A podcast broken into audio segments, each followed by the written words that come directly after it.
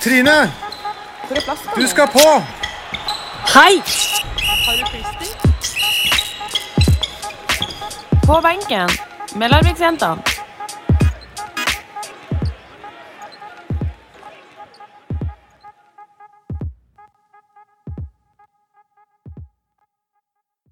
Velkommen tilbake til På benken med Larvikjentene. Sesong to, Anna. Alma. Er du klar? Du, jeg er kjempeklar. Jeg syns vi har hatt litt for lang pause, egentlig. Du har gleda deg til vi skal begynne igjen? Veldig. Ja. Det blir eh, ikke så mange episoder som vi hadde i fjor, men eh, vi skal snakke litt om forskjellige temaer. Eh, Rema 1000-ligaen. Vi har fått noen nye spillere. Vi skal eh, innom eh, ja, et hovedtema som vi skal komme litt tilbake til, med litt kvinnekropp og syklus og mensen. Eh, så vi gleder oss egentlig masse til å snakke om det. Og så har vi litt eh, gjester som kommer utenifra, som vi også skal bli litt kjent med, og ja, som skal bistå litt eh, i podkasten, så det blir gøy. Bare å Eh, glede seg til. ja. Ja. Har du noe um, mål for denne sesongen? Eh, Målet for denne sesongen er jo egentlig å få litt større interesse hos lytterne. Krydre det litt og gjøre det litt mer spennende. Nå har dere jo blitt kjent med oss i forhold til spill, hvordan, hvor vi spiller og hva vi driver med på fritiden. Men eh, jeg syns det blir veldig gøy å gå inn på litt temaer som er ganske viktige, og som ikke alltid er lett å prate om. Mm. Så ja. Det blir spennende. Eh, og i den aller første episoden så er vi så heldige at vi har besøk av eh, tobarnsmor, tidligere Larvik-profil, tidligere landskaps... Landskaps... La, la, la, la. Landslagskaptein. Ja, takk, Alma. Det er godt at utlendingen også kan rette på nordmennene. Veldig. Og så nå sportskommentator for TV 2. Gro Hammerseng Edin, velkommen. Tusen takk. takk. Hyggelig at du ville være her med oss i dag. Det er veldig hyggelig å få lov å være her. Der eh, Gro skal få lov til å bistå litt med eh, ekspertise i dag. Eh, og vi skal snakke om Rema 1000-ligaen, den sesongen vi har i vente. Litt om laga og spillere og ja. Veldig spent på hvor hun har plassert oss, altså. Ja, vi kommer tilbake til det, Alma. Men eh, først litt om deg, Gro. Eh, det er jo veldig mange som kjenner deg som person og vet hvem du er. Men eh, har du lyst til å fortelle litt grann, eh, om deg selv? Ja, det kan jeg godt gjøre. Jeg har blitt 40 år. Um, og jeg kan jo heldigvis si at eh, det å slutte som håndballspiller, den overgangen, den har gått eh, veldig bra. Jeg trives utrolig godt eh, med livet mitt fortsatt, og det var jo liksom spennende. Hvordan blir det, blir det uten å være håndballspiller? For det er jo det jeg har gjort aller mest, og gjort lengst. Så um, livet mitt består jo av en sånn god kombinasjon av familieliv, familiekaos og mye jobbing med sport. Og har vært utrolig heldig og fått lov å ja, bl.a. skrive en del kommentarer som handler om på mange måter handler om idrett, men som også handler om verdispørsmål og temaer som jeg brenner for. Det har vært kjempegivende. Mm. Jeg er jo da gift med Anja. eh, Og det må jeg bare si at det er ganske fantastisk å være gift med henne, så det er jeg òg veldig fornøyd med. du Kan ikke si noe annet. Nei, jeg kan ikke si noe annet. Ja, hva mer er det å fortelle? Jeg, jeg er jo en eh, kombinasjon av en eh, rolig, rolig, tålmodig person på noen områder, og en ekstremt temperamentfull person på andre områder. Det er ganske stor forskjell på Gro på en eh, idrettsarena eller i konkurransesetting, og, og sånn jeg er f.eks. som mamma eller som venn, da. Mm. Det, det, det vet jeg ganske mye om. Har vært borti det, si. Ja, ja, ja. Ja, men det, var ikke det nok, da? Er det noe mer dere vil jeg skal, skal dele her nå? Eller så får dere bare fyre løs med spørsmål etter hvert. Men jeg må bare si at uh, når uh, Jeg har jo spilt sammen med Gro, og jeg har jo alltid sagt at skulle jeg ut i en krig, så er det ikke tvil om hvem jeg hadde tatt med. Fy fader, altså. Det, der er det bein i nesa. Selv om ikke det er noe Balkan-nese. Du får sagt det, Alma. Ja. Nei, men er, jeg har jo spilt litt mot deg, Gro. Og det er jo sånn eh, Vi hadde jo et foredrag med deg når vi var eh, i helgen med Felesmein, og da um, forteller du jo litt i forhold til det derre spillet om at liksom Fader, eh, jeg kan bli sjukt irritert. Ja. Og det er jo sånn som motspiller oss, er jo det det verste å møte. Altså sånn Fordi man blir jo irritert sjøl. og det er jo liksom sånn, hvis man klarer å vinne på det, da, så er det så bra. Ja. Jeg tror, Noen ganger så blir jeg sånn brydd når jeg møter folk som jeg har spilt mot, som ikke kjenner meg sånn utafor banen. Blant annet så var det en, en ny eh, sommervikar i TV 2 som skulle introdusere seg, og så sa hun sånn Ja, jeg har spilt i Glassverket, og vi har jo spilt mot hverandre. Og jeg bare Ja. Eh, jeg, jeg, er litt hyggeligere utafor banen, altså. Fordi noe av det jeg har spilt på, er jo å være litt sånn tøff i trynet i forsvar og på en måte litt sånn Jeg er jo ofte uenig med dommeren, og jeg Ja, ja. blir veldig, lager veldig mye nummer ut av det hvis jeg syns at noen sutrer eller overspiller hvis at de har fått en takling og sånn, så uh, det, det kan det bli liksom brydd over. Men uh, samtidig så er det jo viktig når man er på en håndballbane å ta ja. fram den siden av seg sjøl òg, for det er ikke noe tvil om at i jevne kamper så er det jo de er de små kampene i kampen som ofte avgjør, da. Og så er det jo, det er jo litt sånn eh, man har jo gjerne noen spillere på motstanderlaget som man liksom Fy fader, altså. Hun der, liksom. Eh, og så møter man dem, og så er de kjempehyggelige. Det er jo veldig ofte det er sånn. Ja, det er sant. så du er helt sikkert ikke aleine om å mange spillere jeg har mislikt kjempemye på en bane, og så har jeg møtt dem utafor, så bare wow!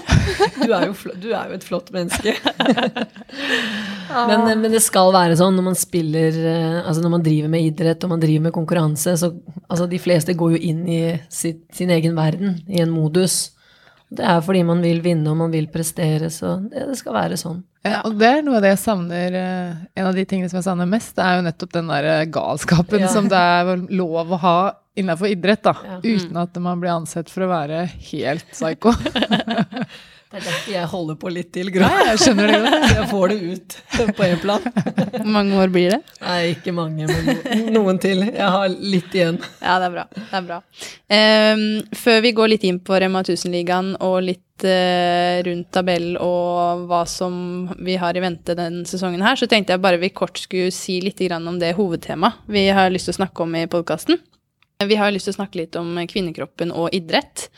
Og altså, kvinnekroppen er fantastisk, og det er eh, mange ting man helt sikkert kunne forska enda mer på, da, rundt idrett, eh, mensen, hvordan, eh, hvordan vi takler det i forhold til at man også er toppidrettsutøver. Og det har vi tenkt at vi skal gå litt inn på, få litt kommentarer og litt erfaringer fra de som er med, og høre litt hva man har opplevd selv, og hva slags forhold man har i forhold til trenere. Og det er jo veldig mange mannlige trenere i idretten eh, som det kanskje ikke alltid er så lett å prate eh, om mensen, i hvert fall ikke hvis du er 16-17 og egentlig er litt usikker på hvordan ting funker, da. Så det kommer vi til å ta opp litt i hver episode, og høre litt om eh, ja, opplevelser rundt det, og eh, kanskje litt hvorfor folk mener at vi også bør sette litt fokus på det fremover. Og det har jo også vært oppe litt tidligere blant både håndballspillere og andre utøvere som har uttalt seg om det, så det mm, kommer vi til å ta opp litt. Ja. Bra. Men før vi går mer inn på det den episoden her, så tenker vi først litt sport. Eh, Rema 1000-ligaen 2020. Hva tenker du, Gro? Ja, først og fremst så syns jeg det er helt fantastisk at eh, det skal gjennomføres. Det har jo vært mye spenning rundt det, og usikkerhet. Og jeg har fått lov å se på dere annet på et par treningskamper. Og jeg syns det var så deilig å komme inn i hallen og se live håndball. Og det var til og med litt publikum, og det var trommer. og det ga meg en veldig god følelse og minte meg om eh, hvor gøy det er å se håndball. Så jeg, jeg gleder meg og er veldig veldig glad for at det ser ut til at det faktisk skal gjennomføres. Mm. Ja, det er vi òg. Ja, og den følelsen Altså, hvor mange måneder var det uten noe særlig ball? Det Det Det var var jo oppi to måneder. Ja. Og så var det jo uten kontakt, så bare det derre Å få lov til å ta på hverandre igjen var jo helt fantastisk. Og det å få publikum, det å se de frivillige eh, Ja. og folk rundt. Det har jo vært eh, stor pågang og mailer og SMS-er og telefoner om når kan vi komme og se på kamp. Og, Mm, og folk gleder seg. Folk gleder seg Ja. veldig, og det gjør jo vi òg. Det blir spennende. Vi er jo nyopprykka. Mm. Skal uh, kjempe tilbake i det gode selskap. Ja, det, er veldig, det må jo være utrolig gøy. Ja. Veldig. Og, og det er jo gøy for oss som bor i byen her òg, at det er uh, toppidrett i øverste liga å komme og se på. Det syns jeg er kjempegøy, rett og slett. Og hvis vi tenker litt uh, fra din side sånn sportslig sportskommentator eh, Har du sett på tabellen sånn Har du noen tabelltips som du kan eh, Vi kan diskutere litt her. Ja. Det er vel liten tvil om at det er Viper som er soleklar favoritt, da. Så det kan vi starte med å si. Ja. At eh, jeg tror ikke det er noen som kommer til å være i nærheten av det engang. Så de har jo høye ambisjoner. Syns også det er gøy at det er et norsk lag som går ut og sier at de vil noe internasjonalt. Og, Mm. Og de Jeg tror jo de har sjanse til å gå helt opp eh, blant topp tre der. Mm. Men eh, så har jo det neste spørsmålet om de i det hele tatt blir gjennomført noe Champions League. Det tror jeg blir ja. Ja. vanskeligere eh, enn å gjennomføre de nasjonale Mm. ligaene. Men eh, det er i hvert fall det første tipset. Ja. Og så har jeg ganske tru på at Storhamar vil fortsette å være den eh, argeste konkurrenten, da. Så jeg vil nok tippe de på en andreplass. Mm. Uh, og så er jeg spent på Molde, fordi at uh, de har fått uh, Tor Oddvar Moen som trener. Og han er en dyktig trener, og jeg tror kanskje han har noe som kan løfte de opp fra det de presterte i fjor. Så de er en kandidat til å ta medalje, sammen med da Byåsen og Tertnes har jeg jo ikke fått sett så mye av nå, da. Men eh, det vil være naturlig for meg å tenke at de, de tre, kanskje, da, Molde og Byåsen og Tertnes, vil kjempe om den tredjeplassen. Da. Mm. Tertnes er på en måte alltid der. det. Ja, de har en tendens til det, og det, det handler nok også noe om at uh, de har en dyktig trener. Og, og at de har vært gode til å Uansett om det er spillere som har forsvunnet der, Ja. så har de vært veldig gode til å få det beste ut av det mannskapet de har. Ja. og, Jeg er helt enig.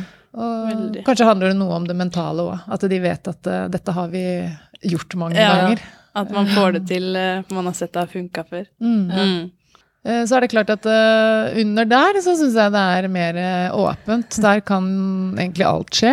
Uh, syns også det er spennende å glede meg til å se Sola, som eh, ikke leverte i det hele tatt, egentlig, i fjor. Eh, men som jeg har litt mer trua på. Men Eh, det er veldig mange som har eh, trua på dem. Så jeg Alma og jeg er litt uenig. Ja, det, det, er, det er basert på hva de har prestert før, da. Ja. Eh, Men samtidig så syns jeg det er gøy at faktisk folk utenfra ser at det er et potensial der, og det er et bra lag. Så har de jo fått ny trener. Det også, ja, og det er jo det som er min, min soleklare årsak til at jeg tenker at det kan skje noe der, da, fra i fjor. At det Jeg har trua på han. Mm. Mm. Eh, og så er det jo altfor tidlig å si uh, hvordan dette ender. Men uh, Ja, ja, ja. det er et sånt spenningsmoment. Og så har jeg jo nå sett annet dere mot Fredrikstad.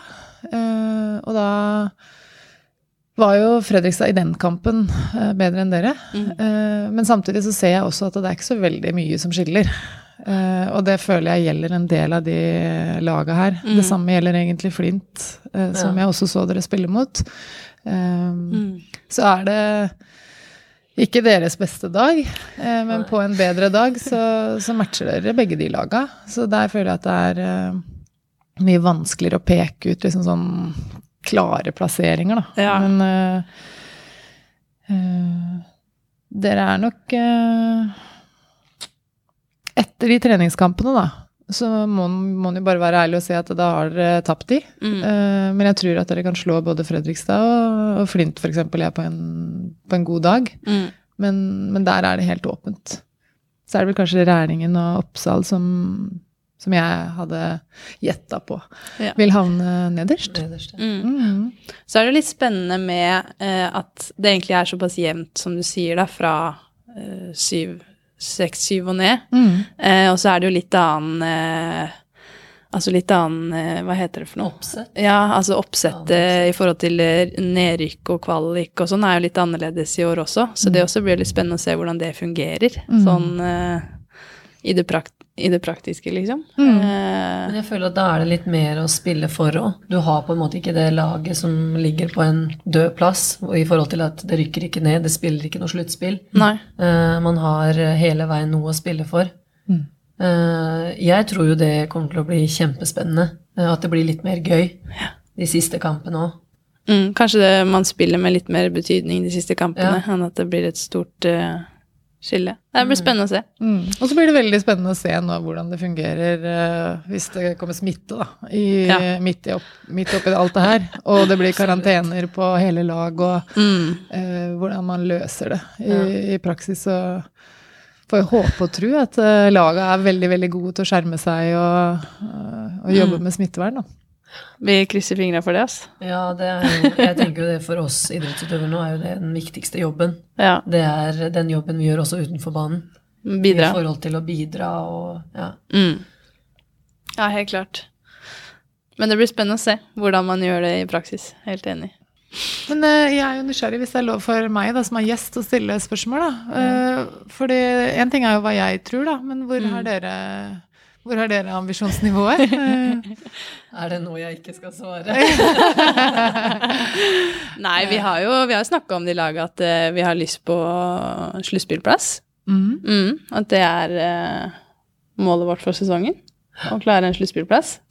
Og så vil jo spørsmålet da være altså hvor, hvor, hvor den sluttspillplassen vil ende, da. Om det er på øvre del av tabellen eller nedre del. Ja, og det er veldig åpent, Og det er veldig åpent, men jeg tror dere skjønner uh, hva, hva jeg tenker. Uh, men jeg gleder meg veldig, uh, sånn som jeg har sagt til jentene også. Det kommer til å bli åpent. Det er mange gode, jevne lag. Og jeg tror og mener at vi kan overraske. Ja, Det, det skal jeg sørge for. Det er bra. Men det er, eh, det er jo litt sånn Jeg er jo litt enig med deg. Jeg føler sånn eh, Det er ganske mange lag som, som jeg tror på at vi kan slå, men man må være til stede og man må treffe i de kampene for at eh, man skal klare det. For jeg tror det kommer til å bli jevnt mellom veldig mange. Eh, og da handler det om å ha dagen i de kampene og ta vare på de sjansene man får, da. Jeg tror det blir kjempeviktig.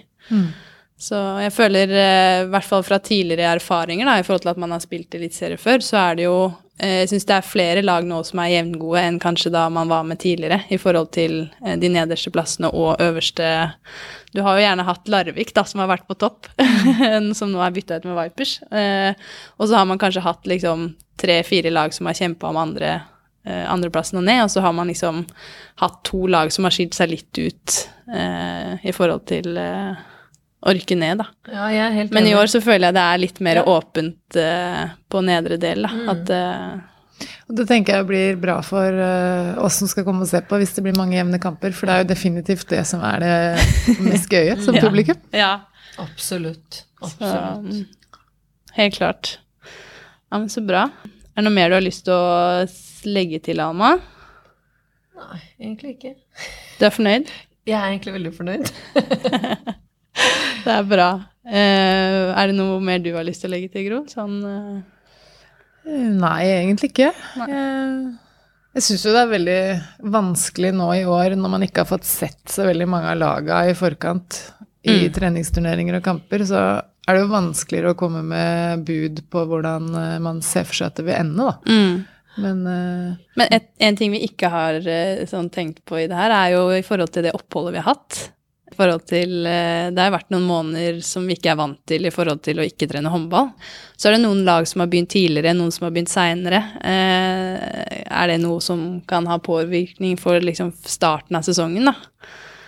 hvor lenge man har fått eh, forberedt seg. Ja. En ting som er spennende alltid, handler om det her med skader, da. Om man har fått si, nok tid og nok håndballtrening til å takle da at man skal over i et kampprogram da, Mm. som er annerledes. Ja. Det vil jo være en sånn spenningsfaktor. Så er det klart at uh, de som har trent håndball lengst uh, og fått spilt flest treningskamper f.eks., vil jo kanskje tidligere være i en god håndballform. Da. Mm. Uh, og det å få en god start kan jo for noen eh, være avgjørende. Mm. For det gjør jo noe med det mentale, det, om du får en god start eller ikke. Ja. Um, så det er klart at uh, det blir spennende å se det. Uh, forskjellen på de ulike laga fra, fra første kamp, da. Mm. Ja. Det er jo Det er jo litt sånn ehm, Det er jo noen lag som har hatt en mye lengre pause òg. Da kan det jo også være mentalt at man føler at ah, vi har ikke hatt håndball, liksom, eller vi begynte nå, og de andre laga har holdt på. Det kan jo også være en faktor som spiller inn på, på den mentale biten, da. Selv om det kanskje ikke har så mye å si på det sportslige fordi man har trent bra likevel, da. Men, uh, Men det vil man jo se da når vi begynner. ja. Vi vet jo hvem som har starta når, så jeg er spent på det. Ja. ja, det blir spennende. Skal vi se. Da har vi snakka litt om uh, Rema 1000-ligaen og har fått litt tips uh, fra deg, Gro. Eh, du skal jo helt sikkert kommentere litt og være litt eh, med. Det regner jeg med du gleder deg til. Ja, det er jo veldig ok å, å få lov å jobbe med og se mye håndball og uh, mene noe om håndball. Og det er jo en sport som jeg elsker, Mm. så definitivt. Det er godt å fortsatt ha deg i miljøet, da. Ja, veldig. veldig. Det skal du ha. Vi snakka litt om det i stad, i forhold til eh, tema. Kvinnekropp og eh, mensen og syklus. Hvorfor, hvorfor tenker du det er viktig, Anna, å liksom sette fokus på det i forhold til idrett, da, spesielt som vi driver med? Jeg syns jo det er viktig å sette fokus på det fordi det er en helt naturlig ting. Eh, Vi kvinner får jo menstruasjon en gang i måneden. Og man har det, noen har det helt jævlig, andre har det bare jævlig, og så er det noen som på en måte det ikke har så veldig mye å si for, da. Mm. Men eh, når du driver med toppidrett og trener så hardt som vi gjør, og selvfølgelig noen ganger så er det jo to treninger om dagen, og du er i en sånn periode, så er det jo veldig mange ting. Det er alt fra humør til smerter til at du føler at kroppen er litt skjør. Um, og det å ta hensyn, hensyn til sånne ting er jo ikke lett, fordi du gjør jo ikke det. Det er jo bare menstruasjon. Uh, men det er jo ikke det.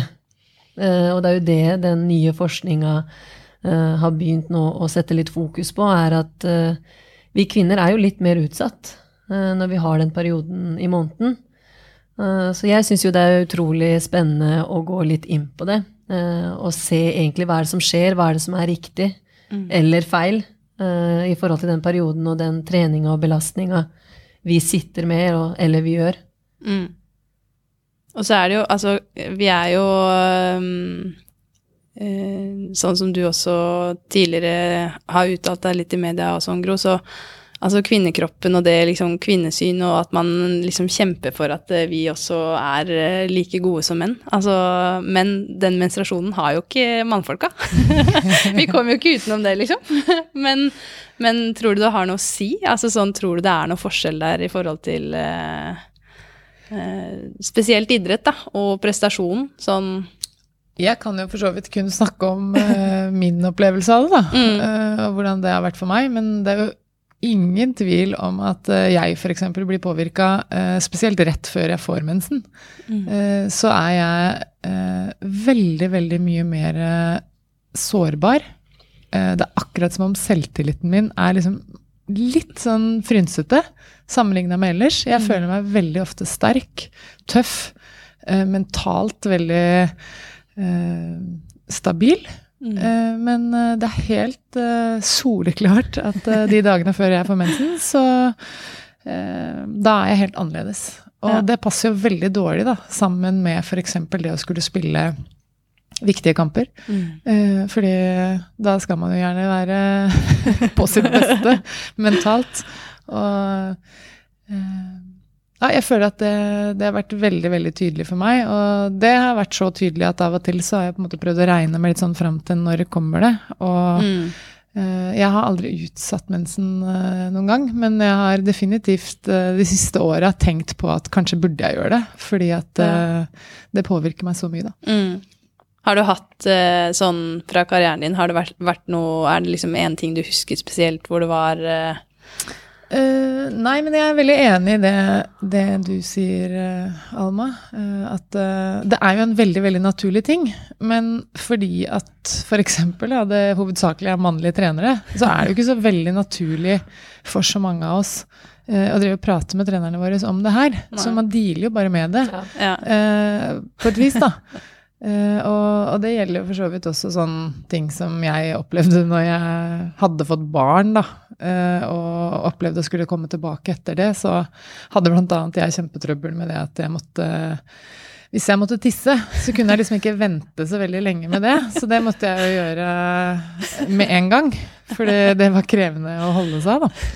Eh, og, og hvis det var noe liksom i blæra mi, og jeg skulle sette en finte eller uh, ja, trykke til litt, så var jeg liksom litt sånn usikker på kommer dette til å gå bra.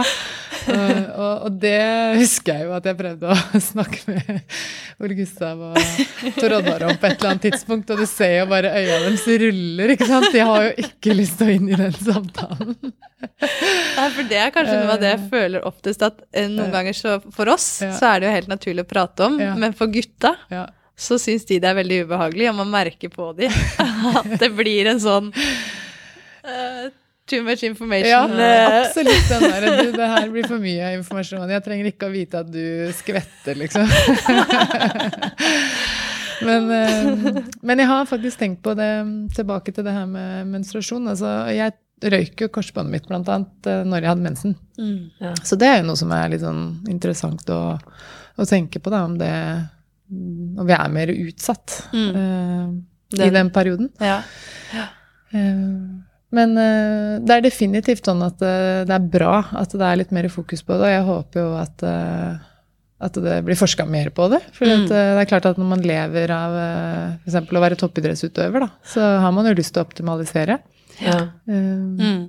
Jeg er helt enig. Det er veldig spennende, og jeg håper at man forsker mer på det. Og det er noen så Jeg husker ikke akkurat hvilken artikkel det var, men eh, USA testa jo nå eh, fotball eh, før fotball-VM.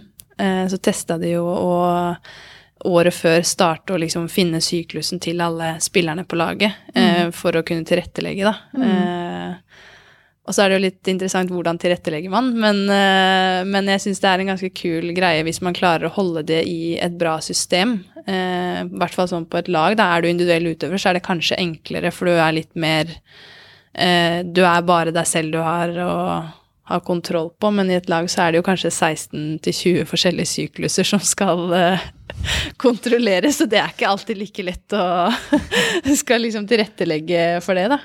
Nei, og det, det er jo sikkert veldig forskjellig og hvor profesjonalisert det er i de forskjellige Ja. klubbene og, Mm. og sånne ting. Men uh, jeg har i hvert fall lest noe om det at uh, de bl.a. Uh, har forska på sånn uh, utbytte av styrketrening. eh, at det kan være måte, større i en periode, Mm. bestemt periode av syklusen. Da. Og det er klart at for folk som er toppidrettsutøvere, så er jo det interessant. Veldig. Det sier seg sjøl. Mm, Du vil jo vite hvordan du kan optimalisere treninga di. helt klart. Ja. For jeg tenker jo sånn når, eh, når jeg har de periodene hvor jeg har mensen, så er det veldig forskjellig. Noen ganger så går det jo veldig fint, andre ganger så har jeg jo store smerter. Og da er det jo sånn at man møter jo opp på trening, og så er du bare der for å fullføre. Mm. Du tenker jo Altså, du tenker ikke konsekvenser. Du tenker ikke at 'å, nå har jeg vondt, egentlig så burde jeg bare vært hjemme'. For det er helt naturlig.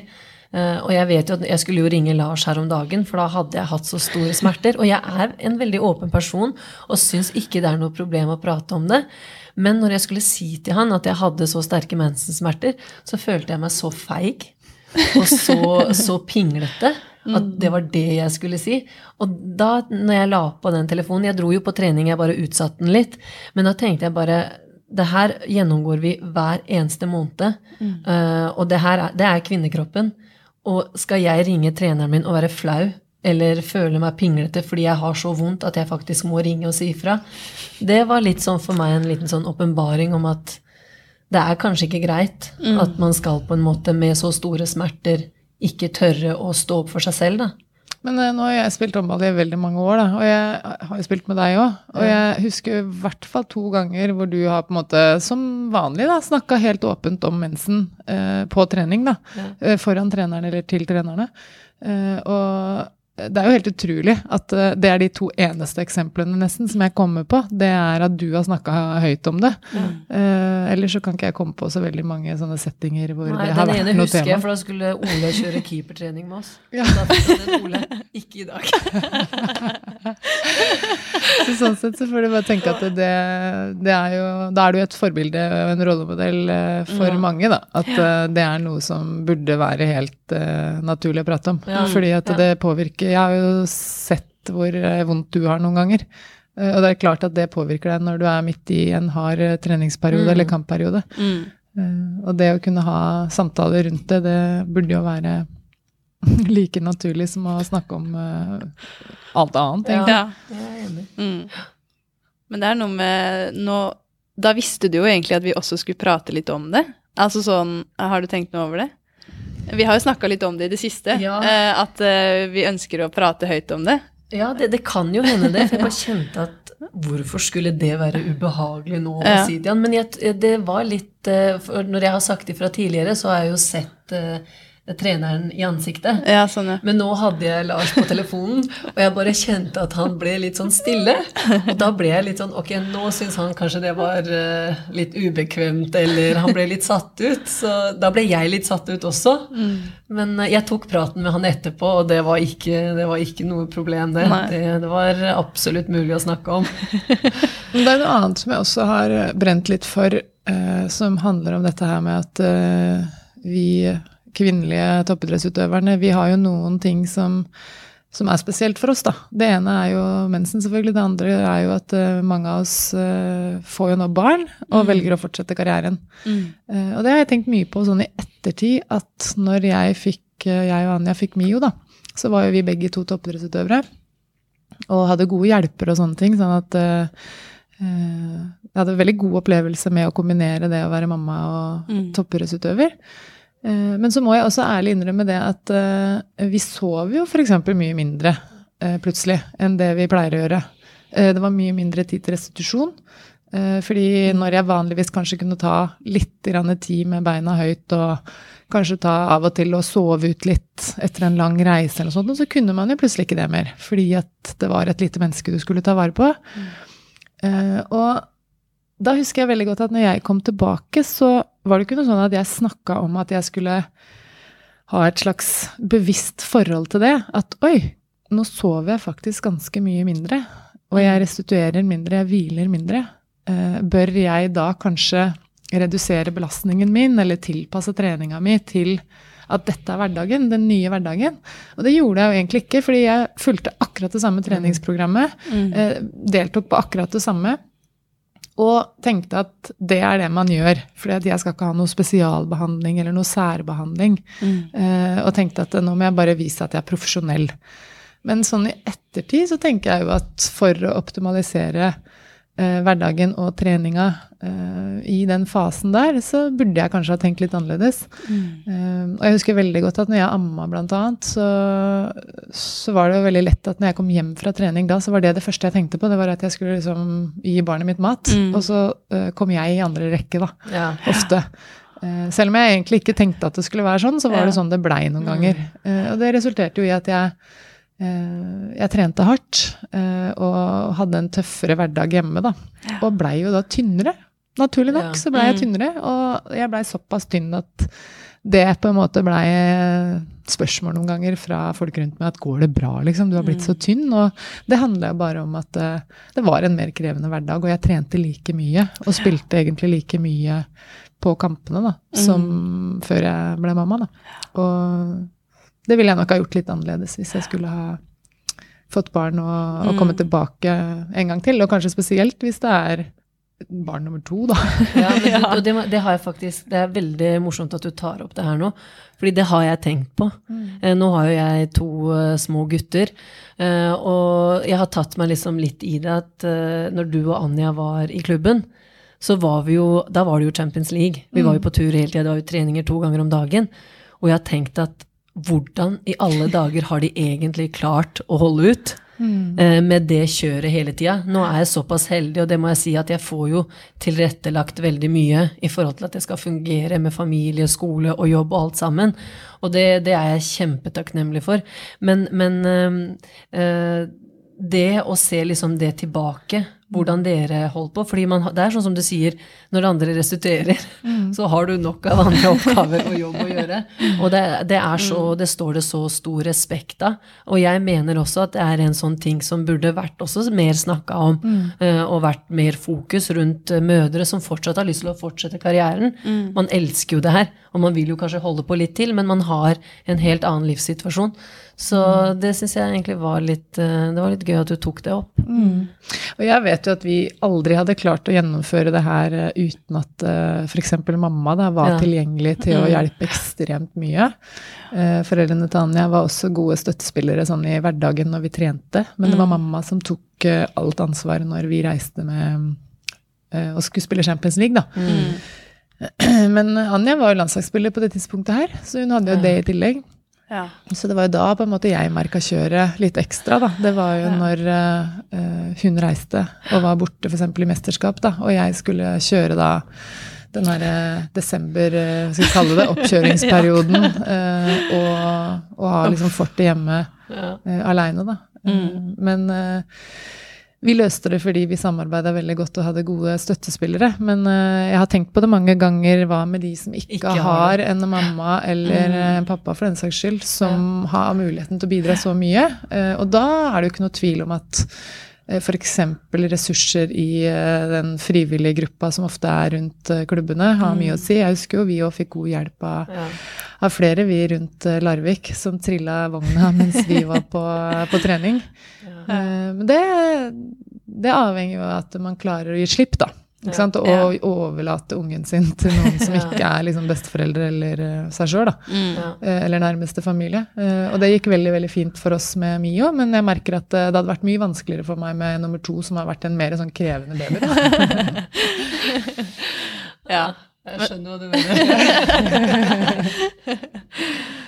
Mødrene som snakker nå. Ah, ja. Ja, men det er jo veldig, Det er veldig kult at det har blitt mer vanlig. At Ja. man fortsetter. Ikke sant? Og det er At kjempefint. At Altså- ikke det er gitt at du skal legge opp fordi at eh, nå skal man bli mor. For Mm. da må du jo slutte altfor tidlig. Ja. Så det har jo vært enorm inspirasjon i, i håndballmiljøet. Da, at det er mange som viser at dette her er mulig. Mm.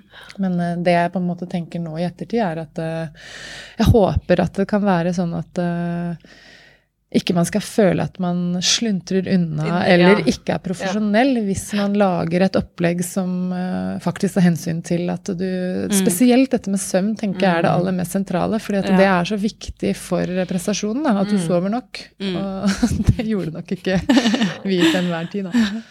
Nei, og da kommer man jo også inn på den belastninga på kroppen, og, og det er jo man er, man har jo, altså når man har vært, Jeg har ikke vært gjennom en fødsel, så jeg kan ikke si det. Men, eh, men eh, alle som, sånn som dere også sier, da. altså Det er jo en annen belastning, og man har noe annet. Man kan ikke bare tenke på seg selv som man kunne kanskje før Nei. man har født. da. Og så har det jo litt med i forhold til den forskjellen når vi snakker om kvinner og menn. da.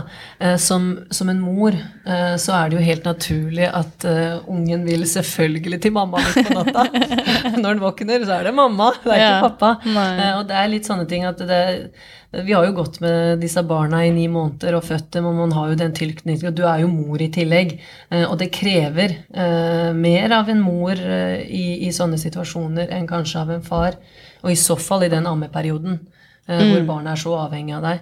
Så jeg syns jo jeg, jeg tror ikke en eneste håndballspiller som har kommet tilbake, har hatt eh, ni måneder permisjon. For å si det sånn. Jeg kjenner ikke noen. Nei, jeg ikke noe. Men det skal sies at for min del da, så var jo det også et, et eh, valg som jeg tok fordi at jeg kjente at det var veldig riktig for meg å ganske raskt komme tilbake eh, til håndballen. Fordi at det er en kjempefordel å ha et sted hvor du bare er deg. Eh, det var veldig godt for meg å kjenne at eh, noen timer eh, innimellom så er jeg ute av den mammarollen. Ja. Og det, det elska jeg. Eh, og det, det var jo også noe av det fine med å spille Champions League, var jo at uh, da fikk jo jeg sove. Så det var jo reine Helt nydelig. Det var helt nydelig, ikke sant? Eh, For da, da er det jo veldig tilrettelagt for at det skal optimaliseres før Mm. kamp og sånne ting. Så bortekamper i Champions League, det var jo halleluja, det for småbarnsmoren. Det er litt morsomt, fordi vi hadde jo teambuilding nå, eh, hvor Alma, hvor vi skulle sove i hengekøyer. Og eh, folk var litt sånn «Ah, Kommer vi til å få sove i det, og hvordan, hvordan går egentlig det her, da? Eh, Alma hun så som en stein og hadde det helt nydelig og kunne ikke skjønne hvorfor folk var redd for at ikke man skulle få sove, for hun hadde jo ingen barn der. Det var helt nydelig. Tenkte, men det morsomme var at jeg tenkte vi er jo egentlig ute i skauen, og hvis det skjer noe, så må jeg jo passe på disse ungene. Men altså, hvem som helst kunne kommet og gjort hva som helst, for jeg var i koma fra jeg sovna til jeg sto opp, så det var en god natts søvn. Det var veldig deilig. Ja. veldig morsomt. Ja. Nei, så, men det er veldig bra. Det er mye fine tanker rundt, og, og det er eh, egentlig veldig fint å få snakke om det, eh, så folk også kan eh, ta til seg at det er ikke så farlig om man, om man er fortsatt, som du sier, da, profesjonell, selv om man kanskje trenger litt grann tilrettelegging.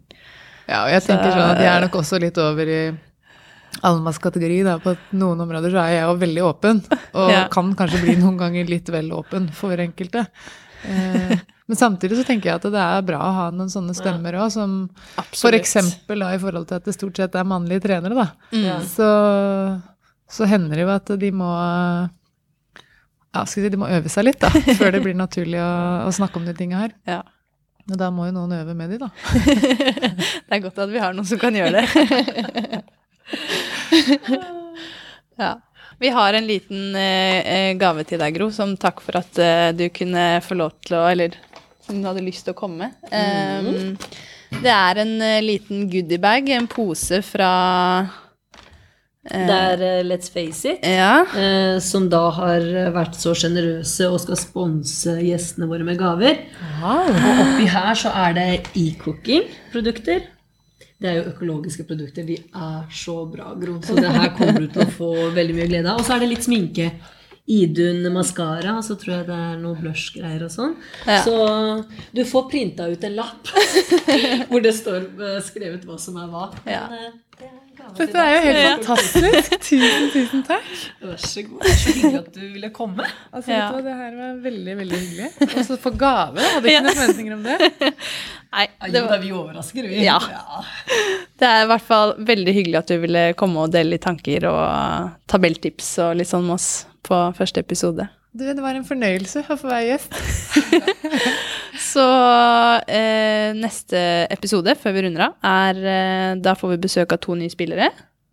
Og dere får bare glede dere til det, og så annonserer vi hvem det er eh, på Instagrammen vår, tenker jeg. Så dere ikke vet hvem det er før vi snakker med dem. Ja.